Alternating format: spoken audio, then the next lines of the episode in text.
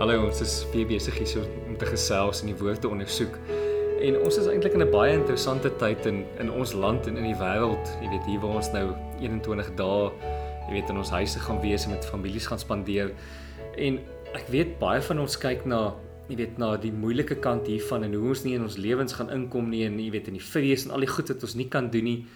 Maar ek het begin wonder is is hier 'n ander kant hierso wat ons kan raak sien. Is hier iets anders in hierdie 21 dae wat ons kan gebruik om ons lewens op soveel beter maniere te vervul en eintlik by 'n baie beter plek uit te kom met die Here?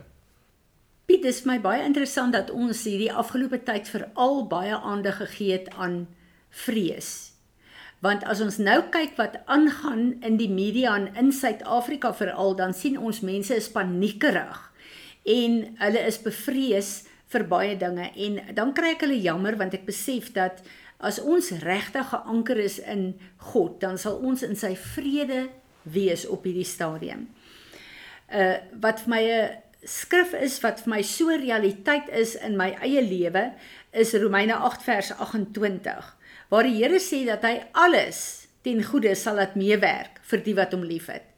Nou hierdie 21 dae met alles wat voorspel word, wat gesê word, God gaan dit ten goeie laat meewerk vir my en jou en vir sy kinders, want dis wat sy woord ons beloof. En God bly dieselfde gister, vandag tot in alle ewigheid. So vir die Here is dit nie 'n verrassing wat hier gebeur nie, maar hy is dieselfde God wat ek en jy aanbid en geniet wanneer dit maanskyn en rose in ons lewe is. Dieselfde God wat by ons is wanneer daar krisisse is soos nou. So God kan nie verander nie. Ek en jy verander en ek dink ons moet toets uh in die keuses wat ons maak, waar lei dit ons heen? Vrees of 'n groter geloof? So ek dink hierdie tyd is 'n wonderlike tyd om vir my en vir jou presies te wys waar ons is. Want dis maklik om te praat en te sê ons dien die Here voluit as dit net goed gaan met ons.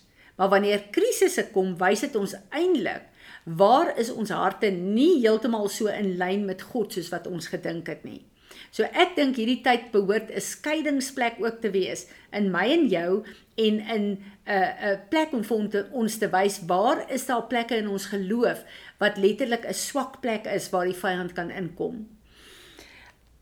Dis baie interessant dat uh, die regering besluit het op die 26ste uh dat hierdie uh 3 weke begin. Nou uh ek het self nie baie aandag gegee aan hierdie skrif wat uitgekom het wat die kinders van die Here begin sê het uh maar Jesaja 26 vers 20 sê die Here come my people enter your chambers and shut your doors behind you hide yourselves for a little while until the Lord's wrath is past. Dit wil nou vir my nogal klink of hierdie skrif 'n profetiese skrif is. Maar as ons kyk wat hier staan, dan beteken dit die Here sê ek roep julle in julle binnekamer in. Ek roep julle in my teenwoordigheid in. As ons kyk na die 26ste, dan is dit ook die eerste van Nisan. Dit is die Hebreëse maand, die eerste maand van die jare. Nou volgens gebruik is dit ook die tyd wanneer die konings gekroon is. So is baie interessant as ons hierna kyk en ons weet dis 'n nuwe era wat ingesluit word. Maar as ons kyk na die verloop van hierdie 3 weke, dan sit presies in Pessach of soos dit in volksmond is, 'n uh, 'n uh, 'n Passover. Uh die fees wat die belangrikste fees vir ons as kinders van die Here is, die dood en die kruisiging van Jesus Christus en dan natuurlik die opstanding wat beteken Jesus het opgestaan as 'n eerste vrug. En in hierdie fees is daar eers 'n uh, 'n 7 dae wat voorafgaan wat genoem word die fees van die ongesuurde brode waar die Israeliete tradisioneel niks mag geëet het wat suurdeeg in het nie wat dan 'n profetiese aksie is om te sê dat ek deel met sonde in my lewe. Nou dis interessant as ons kyk na die Jode wat alle suurdeeg uit hulle huise moes uitgeneem het en hulle het matsos, ongesuurde brood geëet. My en jou as wedergebore kinders van God beteken dit. Hierdie is 'n tyd wat ons ons moet voorootmoedig voor die Here, hom toelaat om vir ons te wys wat is in ons lewe wat nie vir hom uh aanvaarbaar is nie.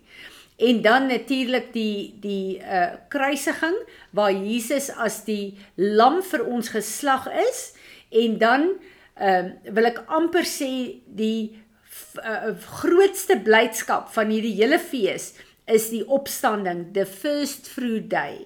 Nou hierdie opstanding het sê die woord Jesus het opgestaan as die eerste vrug. Nou die hele prinsip van 'n first fruit offering beteken dat die res sal net lyk soos die eerste ene wat jy God mee eer. Jesus het opgestaan as die eerste vrug as 'n honoring vir ons Vader, 'n perfekte volmaakte 'n uh, 'n vrug. En ek en jy deur Jesus aan te neem as ons verlosser is die res daarvan. So hierdie eerste vrug het die hele pad oopgemaak vir my en jou om in te kom in die koninkryk in om te lyk net soos wat hy gelyk het. Wat 'n wonderlike voorreg om dit te weet.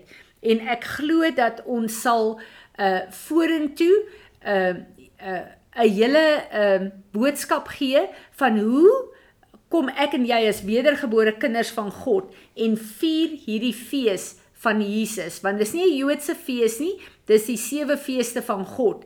Dit is Jesus is in die middel van elke een van hierdie feeste want Jesus bring die feeste in vervulling.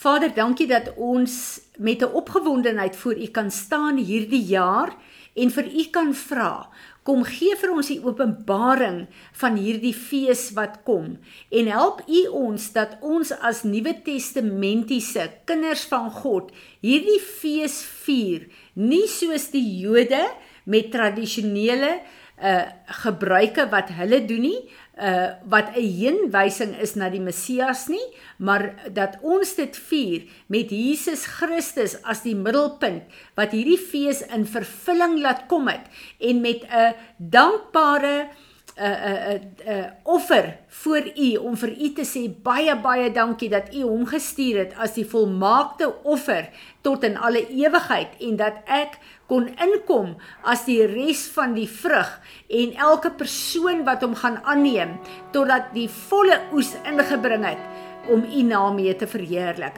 Kom leer ons asseblief hoe om prakties dit te, toe te pas in ons eie lewens hierdie jaar. Amen.